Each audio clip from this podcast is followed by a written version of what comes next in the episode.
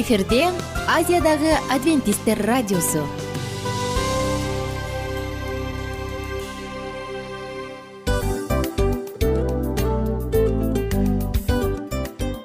Достор салют. Баардык сүйүктүү угармандарыбызга салам айтабыз. Кутман күнүңүздөр менен. Ден соолук өмүрдүн булагы демекчи саламат саамы программасында баарыңыздарды көргөнүбүзгө абдан кубанычтабыз. Анда алгач амандашып өтөлү арбаңыздар деп. Ден соолугуңуздар кандай элибизде көбүнчө ден соолук кандай дегенде эле жакшы деп жооп беребиз э? ооруп турсак дагы жакшы дейбиз. Анан мен муну айтып ойлойт элем бул абдан сонун сөз депчи анткени бул жакшы деген үмүт да э баары жакшы болот. Баары сонун. Деп үмүттөнүп атып эле өзүбүздү өзүбүз дарылап коебуз. Анысы кандай? Сиздин дагы ден соолугуңуз жакшы беш деген үмүттөбүз чындыгында ден соолук бул өмүрдүн булагы деп бекеринен айтылган эмес деп ойлойм. Кыргыз элинде анткени эгерде ден соолук жок болсо анда адамдын жашоосунда калган баардык керектүү маңыздуу нерселер өзүнүн баалуулугун жоготуп коет. Ошондуктан ден соолук бул эң керектүү нерсе. Ооба туура айтасың кесиптешим. Чынында ден соолугуң жок бир эки үч күн ооруп калсаң эле э кандай болуп калат? Жашоодо көз каранды болуп каласың көп нерсеге жетишпей каласың көп нерсени кыла албай каласың жада калса эшикке дүкөнгө да чыга албай каласың. Туптуура анан ден соолук болсо демек биз биздин бактыбыз тоотойт деп койсок болот. Анда достор саламат саамы рубрикабызды баштайлы. Алдыда өзүңүзгө керектүү болгон сонун кеңештерди уга аласыздар. Мына ошондуктан биз менен бирге болуңуздар. Ал эми биз болсо милан жана айнура. Кеттик алга. Алга саламат саама ден соолуктун жарчысы. Саламат саама ден соолуктун ачкычы. Күн сайын сиз үчүн мыкты кеңештер сонун жаңылыктар кызыктуу фактылар биздин рубрикада.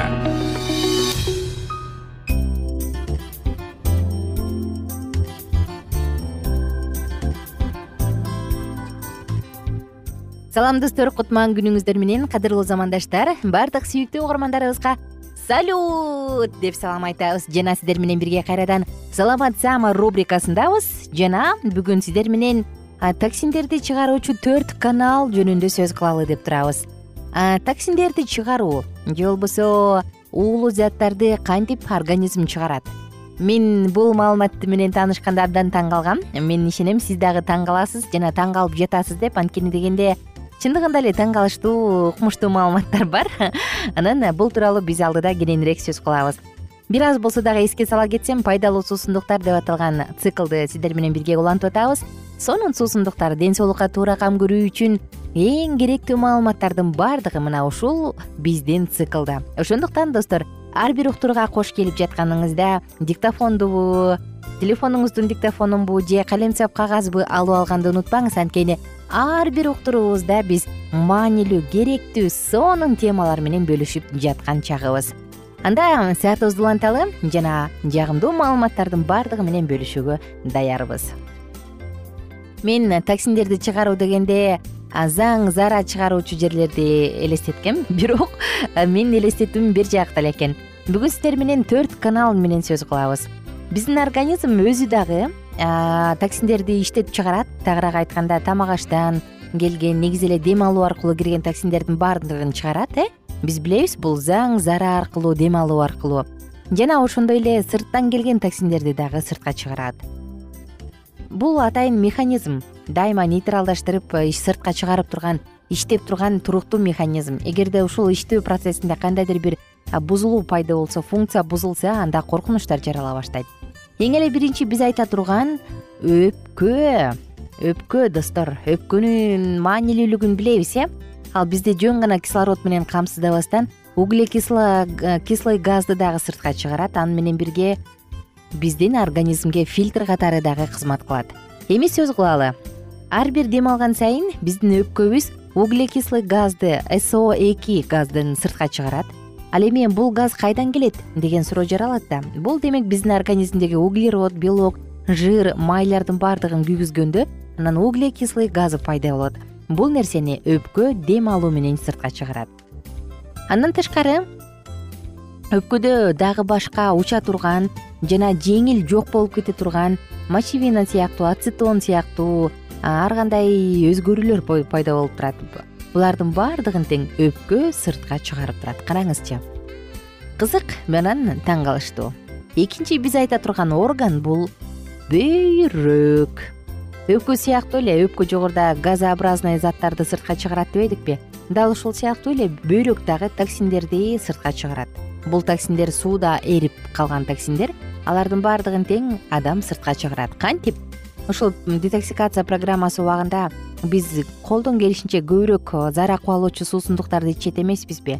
Дал ушул мөмө жемиштер жашылчалардан жасалган суусундуктардын баардыгы тең жана тундурмалардын баардыгы тең тазалоочу касиетке ээ тагыраак айтканда көбүрөөк заара кылып калабыз. Мына бул аркылуу бөйрөк биздин организмде пайда болгон топтолгон заттарды сыртка чыгарганга жардам берет. Баардык детоксикация убагында эске сала кетсек биз терең дем алууну көбүрөөк тажрыйба кылып үйрөнүшүбүз керек. Ошондой учурда гана со эки жана башка зыяндуу заттардын баардыгы дем аркылуу сыртка чыгып кетет. Үчүнчүсү ичеги карын. Ооба ичеги карын. Аябай узун анан бүктөлгөнүнө карабастан э бүктөлүп турган жерлерине карабастан ичеги карында дагы чоң мүмкүнчүлүк бар чоң ийгилик бар ичеги карын дагы биздин организмде тазалоочу мыкты каражатка ээ. Тагыраак айтканда тамак аш менен ичеги карын контакт түзөт. Анын негизинде э, канга пайдалуу заттар сиңет ал эми калган токсиндер зата заң аркылуу фекалия аркылуу сыртка чыгат.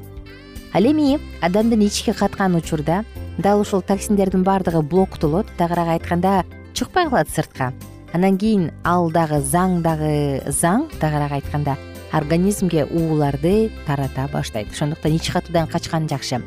Ал эми биз болсо детоксикация учурунда негизи эле адамда ич катуу өнөкөтү бар болсо анда ич алуучу суусундуктарды клетчаткасы көп суусундуктарды ичкенге аракет кылган жакшы. Булардын баардыгы ичегиден токсиндерди сыртка чыгарганга жардам берет.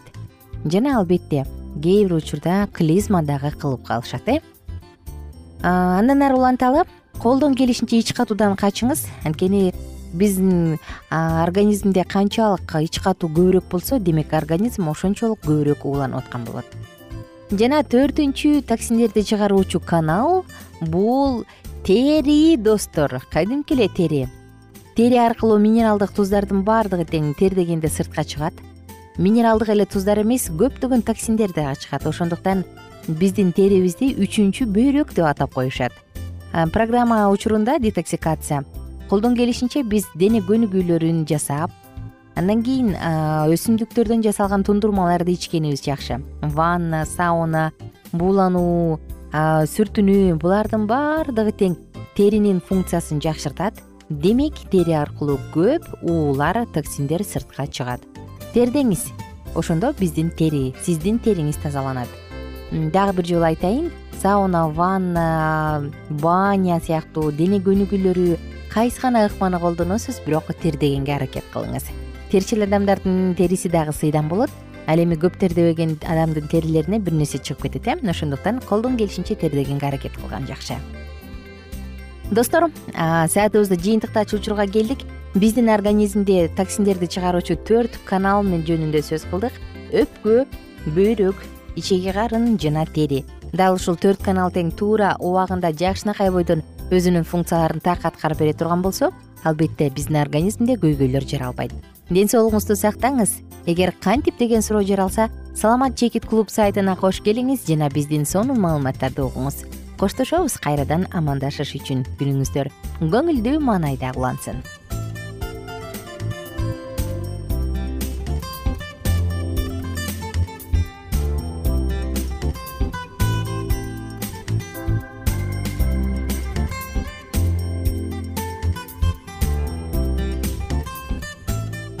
кененирээк маалыматтар үчүн үч w чекит саламат чекит клуб сайтына келип таанышыңыздар. Жана андан тышкары социалдык тармактарда youtube facebook жана instagram баракчаларына катталыңыз.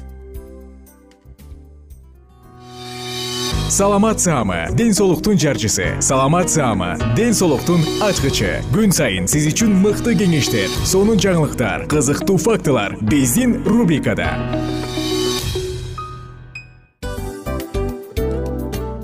салам достор. Кайрадан биздин сүйүктүү рубрикабызга кош келиңиздер деп айтмакчыбыз.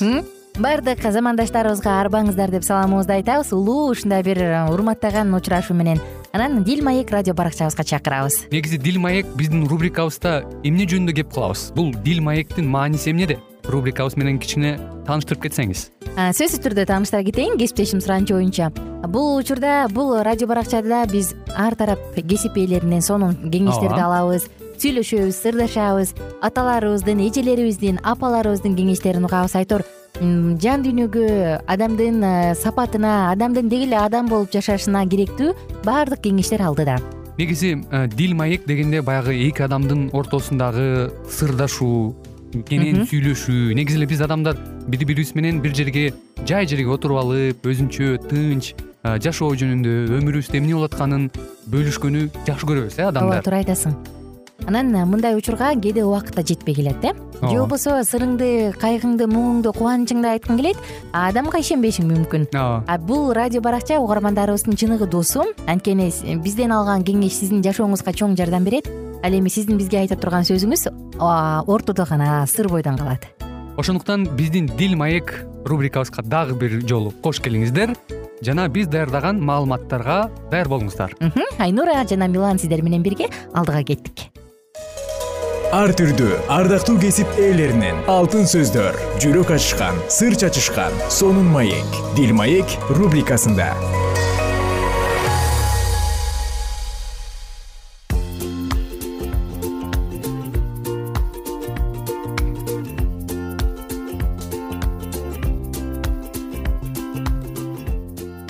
салам достор. Биздин сүйүктүү угармандарыбыздын баардыгына ысык салам айтып кайрадан. Жагымдуу саатыбызды баштадык. Дил маек уктуруусу жана дил маек уктуруусунда сиздер менен бирге маектешебиз сиздер менен бирге сүйлөшөбүз баарлашабыз. Жана сиздер менен биз махабат күнөө болушу мүмкүнбү деген теманын үстүнөн сөз кылып жатабыз. Жатканбыз бул жаңы цикл. Бул тууралуу биз андан ары уланталы. Ошондуктан угармандар биз менен бирге болуңуздар карама каршы жыныстагы адам менен достошуу жалган жол. Тилекке каршы жаш машаякчылардын көпчүлүгү тазалык үчүн күрөшпөстөн өзүн өзү тыюуга аракет кылбастан. Жигит же кыз издей башташканы жалпыга белгилүү. Библияда үй бүлө куруу жигит кыз жарыялоо жөнүндө таптакыр таптак айтылган э бирок жаш жигиттер менен кыздардын ортосундагы достук же жакын мамиле деп аталган нерсени кудайдын сөзүнөн таппайбыз ыйык жазууда баяндалган замандарда бул маселе боюнча чоң көйгөйлөр деле болгон эмес. Анткени жаш уландар менен кыздар өз өзүнчө тарбияланышчу. Азыр жашоо шарттары өзгөрдү. Дагы ошол себептен мен жаш машаякчыларга ушундай достуктан сак болууну көптөн көп эскертким келет. Албетте жаш жигит бир кызды сүйүп алса же тескерисинче жаш кыз бир жигитти сүйүп калса алар бири бирине тартыла баштайт. Мында таң кала турган эч нерсе жок. Эгерде жаш машаякчы ушундай достукка умтулса аны башынан баштап эле таза эмес ойлор жетелейт деп ойлобойм. Көп учурда бул жакын мамилени ишеним артууну сүйүүнү самагандыктан мындай нерселерди өз үйүнөн таппагандыктан болот. Тилекке каршы жаш машаякчыларды мындай мамилелерге көп учурда үйүндөгү атмосфера дагы түртөт. Көп учурда мунун аягы өтө кайгылуу бүтөт жаш жигиттер менен кыздардын ортосундагы достук чогуу шахмат ойноо. Же жөн гана сүйлөшүү же балмуздак жегени кафеге кирүү менен гана чектелип калбайт. Бир күнү болбосо бир күнү кучакташмай өбүшмөй башталат. Эгерде жигит менен кыз нормалдуу жетилген болсо кучакташып өбүшкөн менен эле баардыгы бүтүп калат деп айтууга таптакыр болбойт. Мындай мамилелерде жыныстык катнаш болбойт деп айтуу өзүңдү өзүң алдоого барабар он беш он сегиз жаштагы жаш түгөйлөр кудай бизди кошту деп мага келген учурлар көп болгон. Карама каршы жыныстагы жаш машаякчылардын ортосундагы бир да достук ушундай такыба аян жышаандырсыз башталбаса керек. Бул сөздөр өтө олуттуулук менен айтылгандыгын жокко чыгарбайм. Бирок кудайдын каалоосун жеке каалоолордон айырмалоо мүмкүн эмес болгон учур так ушул жаштык кез көп учурларда мен мындай жаштарга силер алданып жатасыңар. Силерди кудай кошпой эле жеке сезимдериңер кошту деп. Же эгерде кудай силерди бири бириңерге чыны менен эле алдын ала белгилеп койгон болсо ачык никелешкендей куракка жеткенче кое тургула. Бири бириңер үчүн сыйынгыла деп жооп берчүмүн албетте мынтип айтып жатканда сөздөрүм кулактын сыртынан кетип жатканын абдан жакшы түшүнүп турчумун. Мындай учурларда жаш машаякчылар чогуу укмуш сыйынышаарын кудайга чогуу кызмат кылууну абдан каалап жатышканын жана башкаларды өзгөчө баса белгилешет. Мен аларга бул тууралуу эки жылдан кийин сүйлөшөлүчү дегенден башканы айта албайм. Мындай окуялардын көпчүлүгү адатта өкүнүч менен бүтөт. Кыз жигитке алданып калып көңүлү калат ыза болуп калат же бир нече жылдан кийин үйлөнүү тоюн өткөрүшөт. Бирок экөө тең тойго анча деле кубанышпайт анткени бири бирине болгон урматтоо сезими эчак эле жок болуп кеткен. Он алты же он жети жаштагы жигит өмүрлүк жолдошун кудай таптак көрсөтүп бергенине ишенсе анда ал кыз үчүн сыйынып аны тынч күтүшү керек. Эгерде кудай ошол кызды ал үчүн чыны менен эле алдын ала белгилеп койгон болсо бул дүйнөдөгү эч бир күч кудайдын планын өзгөртө албайт. Ар бир жаш кызга мындай деп айтар элем. Жаш жигит сага мен сени сүйөм деп келсе бул сөздөр мен өзүмдү сүйөм ошон үчүн сен мага керексиң дегенди гана билдирерин алдын ала эсиңе түйүп алышың керек.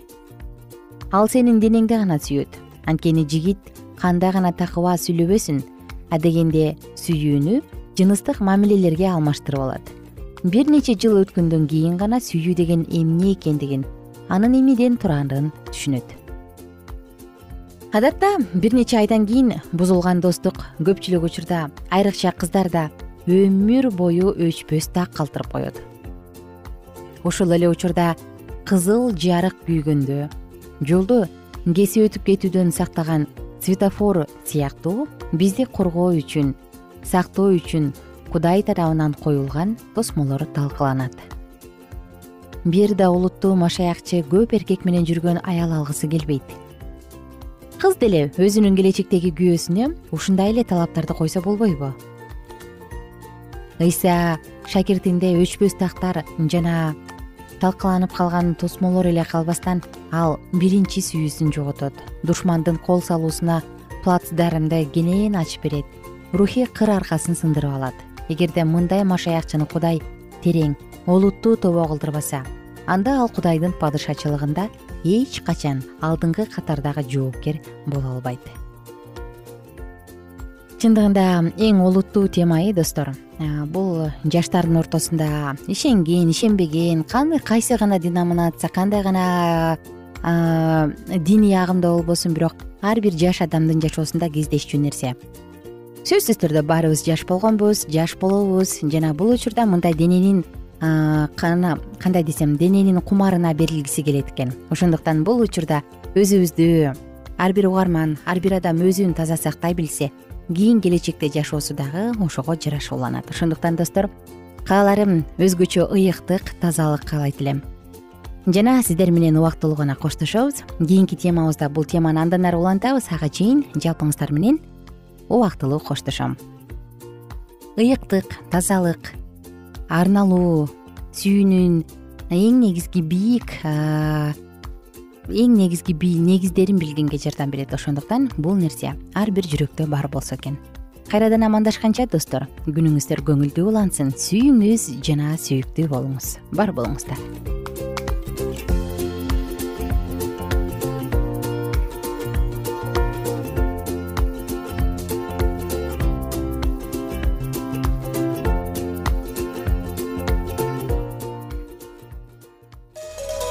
ар түрдүү ардактуу кесип ээлеринен. Алтын сөздөр жүрөк ачышкан сыр чачышкан сонун маек. Дил маек рубрикасында.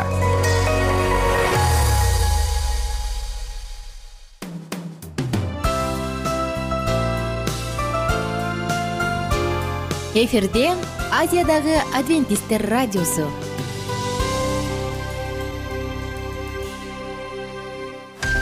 жан дүйнөңдү байыткан жүрөгүңдү азыктанткан жашооңо маңыз тартуулаган жан азык рубрикасы.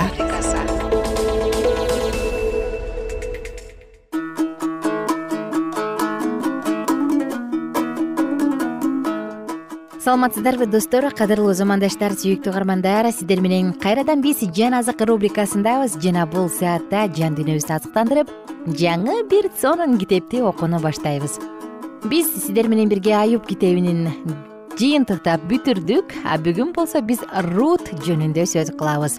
Мүмкүн кыргызча которулушу рут дегенде көп түшүнүксүз болор бирок руфь десек о руфь аттуу айымдарды абдан көп тааныйбыз э?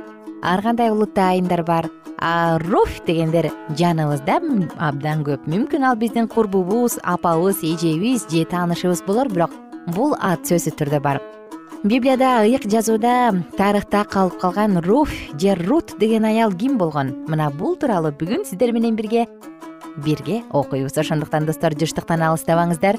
Э, үн алгынын үнүн бир аз өктөмүрөөк чыгарыңыз. Болгон көңүлүңүздү бизге буруп коюңуз. Бул болгону гана беш алты мүнөттүк убакыт. Беш алты мүнөттүк убакытында ичинде сиз сонун маалыматтарды уга аласыз. Биз менен бирге болуңуздар рут китеби биринчи бөлүм. Башкаруучулар башкарып турган күндөрү жүйүт аймагында ачарчылык болду. Жүйүт аймагынын бейтлехем шаарынан бир киши аялы эки уулу менен маап талааларында жашаганы кетти ал кишинин ысы элимелек аялынын ысымы наами. Ал эми эки уулунун ысымдары махлон жана килион эле алар жүйүт жеринин бейтлехеминен чыккан эфраталыктар эле. Алар маап талааларына келип ошол жерде калышты. Нааминин күйөөсү элемелек көз жумуп наами эки уулу менен калды. Алар маап кыздарынан аял алышты. Биринин ысымы орпа экинчисинин ысымы рут эле. Алар ошол жерде он жылга жакын жашашты. Бирок анын эки уулу тең махлон да килион да көз жумду. Ал аял эки уулу менен күйөөсүнөн ажырап жалгыз калды. Ошондо ал келиндери менен маап талааларынан чыгып кайра өз жерине жөнөдү. Анткени маап талааларында жашап турганда кудай өз элине келгенин аларга нан бергенин укту. Ал жашап жаткан турган жеринен чыкты. Аны менен кошо эки келини да жөнөдү жүйүт жерине кайтып бара жаткан жолдо наами эки келине. Баргыла ар бириңер өз энеңердин үйүнө кайткыла. Маркумдарга жана мага кылганыңарга жараша теңир силерге ырайым кылсын. Теңир батасын берип экөөң тең күйөөгө чыгып башпаана тапкыла деди. Анан аларды өптү. Бирок алар буркурап ыйлап жок биз сени менен кошо сенин элиңе кайтабыз дешти наами болсо мындай деди. Кайткыла кыздарым. Мени менен барып эмне кыласыңар? Менин ичимде силерге күйөө боло турган балдарым бар бекен кайткыла кыздарым. Баргыла мен эми күйөөгө тийгидей жаш эмесмин. Эгерде мен менден дагы эле үмүттөнсөңөр болот десем да атүгүл ушул түнү күйөөм менен болуп уулдуу болсом да алар чоңойгуча күтүп жүрмөк белеңер күйөөгө чыкпай жүрө бермек белеңер. Жок кыздарым силерди ойлоп аябай капаланып жатам. Анткени теңирдин колу мага каршы көтөрүлдү. Алар кайрадан буркурап ыйлап башташты. Ошондо орпа кайненеси менен коштошту рут болсо аны менен калды. Наами рутка мына келиниң өз элине өз кудайларына кайтты. Келиниңдин артынан сен да кайт деди. Бирок рут сени таштап кайтып кетүүгө мажбурлаба мени. Сен кайда барсаң мен да ошол жакка барам. Сен кайсы жерде жашасаң мен да ошол жерде жашайм. Сенин элиң менин элим. Сенин кудайың менин кудайым болот. Сен кайсы жерде өлсөң мен да ошол жерде өлөм. Сөөгүм ошол жерге коюлат. Теңир мени жазаласын катуу жазаласын мени сенден өлүм гана ажыратат деди. Наами руттун өзү менен бирге кетүүнү бекем чечкенин көрүп көндүргөнүн токтотту ошентип экөө бейтлехемге чогуу келишти. Алар бейтлехемге келгенде бүт шаар кыймылга келип бул наамиби дешти. Наами аларга мен наами деп чакырбагыла мени. Мени мара деп чакыргыла. Анткени бардыгын кармап туруучу мени оор кайгыга салды. Мен бул жактан түгөл кеткем бирок теңир мени куру кол кайтарды. Теңир мени айыптаган соң бардыгын кармап туруучу башымды кайгыга салган соң мени наами деп чакыруунун эмне кереги бар деди. Ошентип наами кайтып келди аны менен кошо маап талааларынан келген мааптык келини рут кайтып келди. Алар бейтлехемге арпа уурула баштаганда келишти.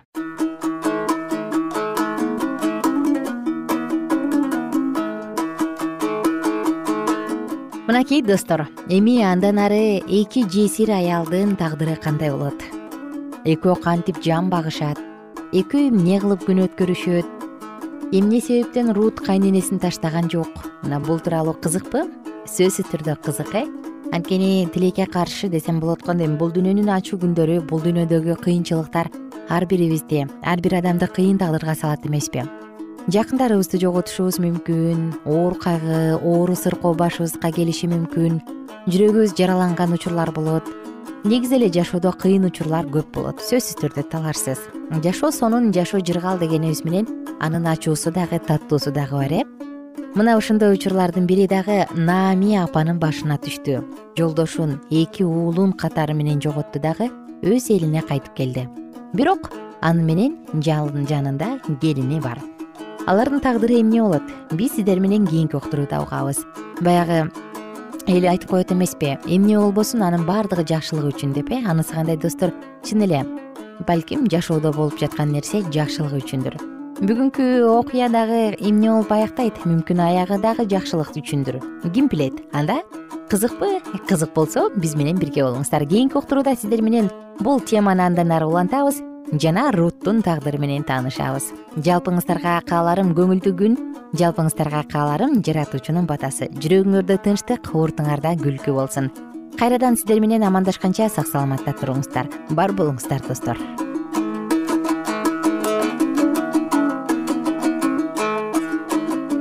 Эгер сиздерде суроолор болсо же көбүрөөк маалымат билем десеңиз анда биздин whatsapp номерибизге жазыңыз. Плюс бир үч жүз бир жети жүз алтымыш алтымыш жетимиш. Кайрадан плюс бир үч жүз бир жети жүз алтымыш алтымыш жетимиш.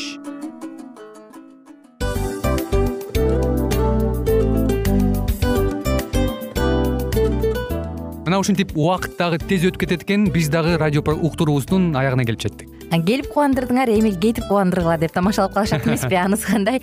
Радио баракчабызды программабызды азыр эле баштап аткандай болдук элек мына соңуна келдик э? Негизи убакыт э, билинбей өтүп кетет экен мен дагы э, убакыт дегенде бүгүн бир адам менен сүйлөшүп калдым. Анан убакыт бул мүмкүнчүлүк деп айтып өзүмө өзүм айтып алып анан мага өзүмө эле кайра ачылыш болду да чын эле Э, карап отурсаң ошол эле жыйырма төрт саат ошол эле жарым саат кайталанып атат.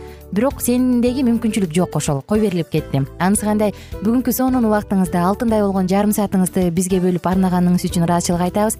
Анан жашооңуздун кайсы бир сферасын өзгөртө турган сонун пайдалуу кеңеш алган болсоңуз анда биз максатыбызга жеттик. Анан ушул нерсени кылбасам десеңиз ошол өзгөрүүлөрдү кичинекей кадамдардан баштап иш жүзүнө ашырыңыз дагы жашооңузда чоң чоң ийгиликтерге жетиңиздер чын жүрөктөн ар бир берилген кеңештер сөздөр сиздерге пайдасын алып келет деп ишенебиз. Жана кийинки уктурууларда сөзсүз түрдө чыдамсыздык менен сиздерди күтөбүз.